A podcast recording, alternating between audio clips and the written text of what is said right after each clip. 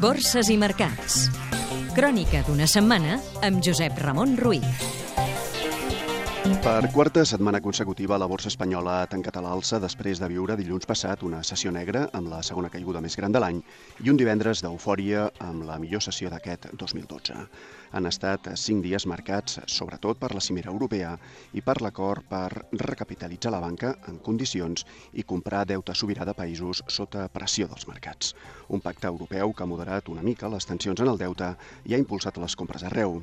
Aquí, la setmana que el Tresor, amb una bona demanda, ha col·locat 3.077 milions d'euros en lletres a 3 i 6 mesos, però pagant l'interès més alt des del mes de novembre, l'IBEX 35 ha pujat un 3,5% i se situa als 7.102 punts. Els bancs han centrat l'atenció dels inversors després que el govern Rajoy ha sol·licitat formalment el rescat financer europeu per a la banca espanyola i que l'agència Moody's ha retallat entre 1 i 4 graons el renting de 28 entitats financeres. A més, el Banc d'Espanya ha constatat que la recessió empitjora i el president Rajoy ha anunciat més mesures econòmiques difícils. Després de tancar el millor mes des del passat juliol de 2010, el selectiu IBEX 35 acumula des de l'1 de gener uns números vermells d'un 17,09%. Cotitzades catalanes. CaixaBank. Els accionistes han aprovat la integració de Banca Cívica.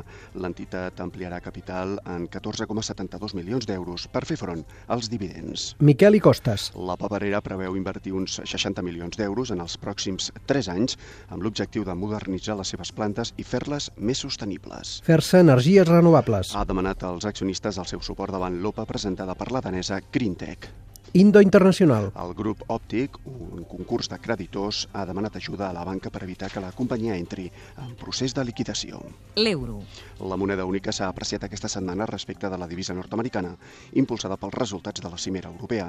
Aquest divendres, el Banc Central Europeu, que continua sense comprar deute sobirà, n'ha fixat el seu canvi oficial a 1,2590 dòlars. El petroli. El preu del barril de cru tipus Brent, el de referència a Europa, s'ha encarit al voltant dels 92 dòlars de mitjana. L'OPEP, l'Organització de Països Exportadors de Petroli, espera que la demanda mundial de cru mantingui un creixement estable, tot i l'actual crisi. Vocabulari financer. Què és una OPA, una oferta pública d'adquisició?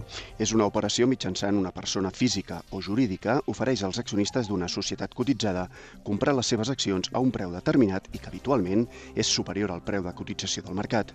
L'objectiu és fer-se o amb una participació significativa o amb la totalitat de la companyia. El pagament es pot fer en efectiu, amb diners i accions o amb un intercanvi accionarial.